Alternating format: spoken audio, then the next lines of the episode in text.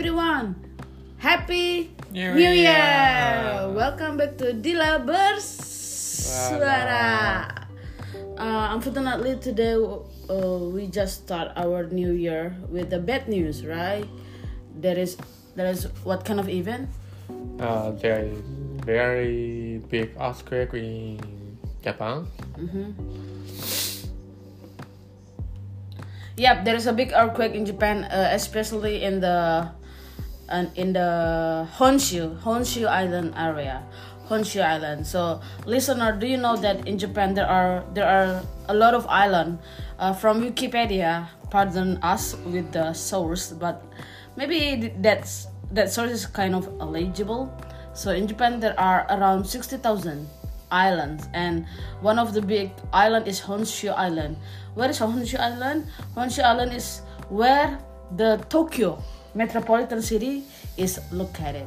So the earthquake is around Honshu Island. Uh, to be precise, it is in Ishikawa, right? Yes. And Ishikawa. And uh, we heard that there are six people die because of this event.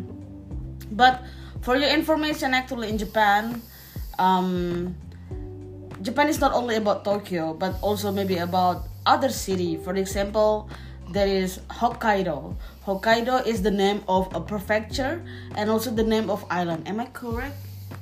Hmm, Hokkaido, Honshu, Shikoku, and Kyushu, Okinawa, and more small islands. Yeah, but Hokkaido is the name of the prefecture and also the name of island, right? Yeah, yeah, yeah. Honshu is the name of island, but not a name of per, per prefecture. Hmm. There are like several per- uh, prefecture in Honshu Island, for example, Tokyo. Yeah, yeah, yeah. Osaka. Only, only Hokkaido.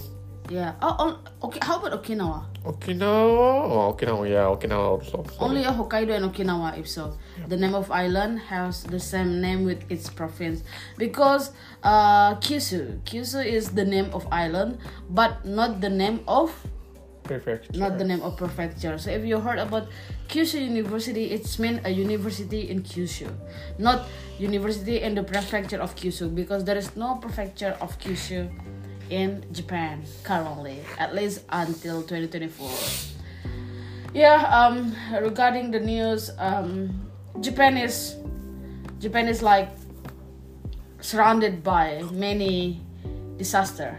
So if some area doesn't have earthquake, so usually there's gonna be typhoon. What kind of disaster this disaster that currently occur in in Kyushu Island?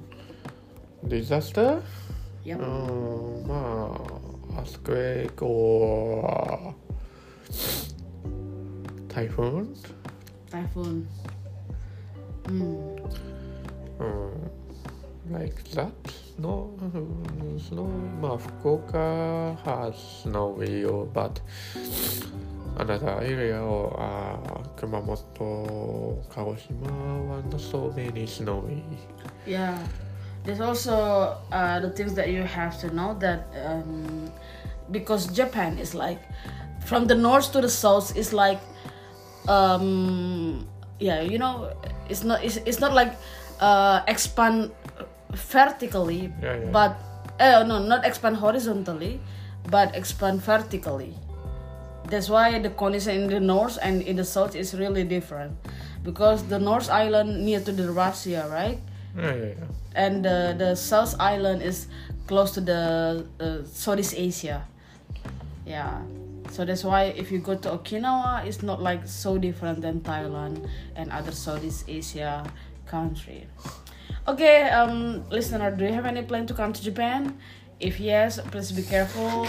Um, yeah, because in Japan there are many disaster that sometimes we cannot predict but yeah there, there are some disaster we can predict for example typhoon but for the earthquake is something that we cannot predict right we cannot predict right We cannot, still cannot. we, we still cannot Up until today we still cannot predict um when will the earthquake will come. So what we just can do is just keep staying on in this podcast.